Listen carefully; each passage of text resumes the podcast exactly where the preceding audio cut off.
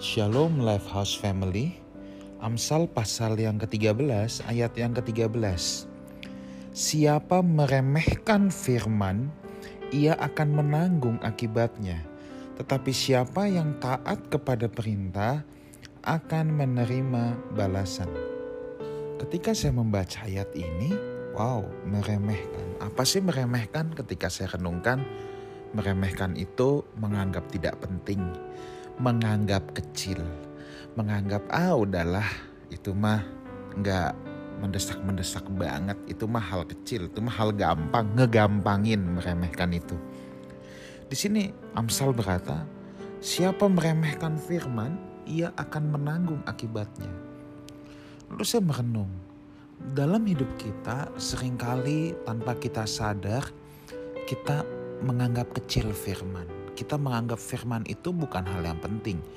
Kita menganggap firman Tuhan bukan sebagai kebutuhan yang utama, tetapi hanya sebagai sampingan, tambahan, ya nggak penting-penting banget. Ada firman boleh, nggak ada firman juga nggak masalah. Tapi kalau kita mau jujur coba, bagaimana dengan misalnya uang? Oh kalau nggak ada uang, pusing saudara ya. Uang harus ada. Kalau nggak ada uang, kita bisa susah hati tapi bagaimana kalau kita sehari saja tidak mendengarkan atau membaca kebenaran firman Tuhan? Apakah kita lebih bersusah hati daripada ketika kita tidak punya uang? Seharusnya ya saudara. Kita harus menempatkan suara Tuhan, kebenaran firman Tuhan di tempat yang paling utama. Di sini dikatakan siapa meremehkan firman ya memang kalau kata meremehkan ya kita suka bilang saya nggak anggap remeh kok. Tetapi tanpa sadar ketika kita anggap itu bukan hal yang utama ketika kita tanpa kita sadar mengecilkan itu boleh ada boleh nggak sebenarnya kita juga sudah meremehkan. Dan di sini dikatakan akan menanggung akibat. Tetapi siapa taat kepada perintah dalam hal ini juga firman saudara taat kepada firman akan menerima balasan. Apa akibat dari orang yang menomor duakan atau tidak menganggap firman itu penting. Akibat yang pertama adalah dia tidak menghormati Tuhan. Kalau kita berkata, aku menghormati engkau Tuhan. Salah satu sikap yang harus kita kembangkan dulu adalah kita mengutamakan firman-Nya.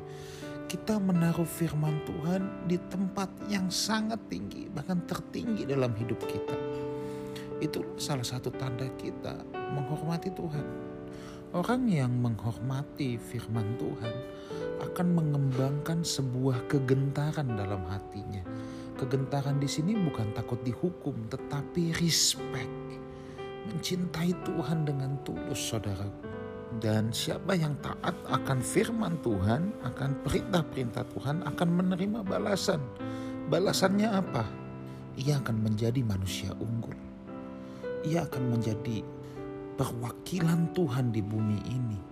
Dia akan menjadi duta-dutanya Tuhan. Dan tentunya sebagai konsekuensinya satu hari kelak ia akan dimuliakan bersama-sama dengan Kristus. Tetapi orang yang tidak menghargai Tuhan dengan pantas, orang yang tidak menghormati firman Tuhan, bagaimana mungkin dia bisa dimuliakan bersama Kristus? Kemudian juga ketika kita menempatkan firman sebagai prioritas dalam hidup kita, ada satu peristiwa yang tanpa kita sadari akan terjadi dalam hidup kita, yaitu hati kita terus disucikan oleh firman. Saudara bayangkan kalau ada air keruh dalam sebuah bejana, untuk membersihkan bejana itu, katakan bejananya tidak bisa dibuang langsung air keruhnya. Tidak ada pilihan lain saudara harus mengisi bejana itu dengan air bersih terus-menerus. Ketika sekalipun ada air keruh, ada air kotor, ketika kita isi terus dengan air bersih, lama-lama bejana itu akan tumpah keluar, lama-lama yang kotor itu keluar dan akan digantikan dengan air yang bersih. Jadi kalau saudara nyalakan terus keran, saudara isi terus, pasti lama kelamaan air yang ada dalam bejana itu pun jadi bersih. Demikian juga hati kita. Hati kita pada dasarnya bengkok saudara. Suka sensitif, suka curigaan sama orang, ya, suka emosi, suka iri hati, suka marah dan lain sebagainya. Ada banyak ketidakpatutan, hal-hal yang tidak menyenangkan hati Tuhan. Bagaimana untuk membersihkan hati kita? Dengan firman jawabannya. Firman yang terus menerus bukan cuma satu kali baca, tapi terus menerus.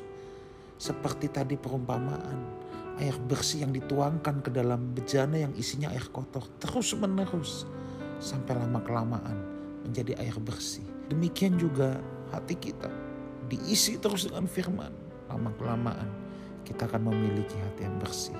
Saya berdoa Tuhan Yesus menyertai Life House Community. Haleluya.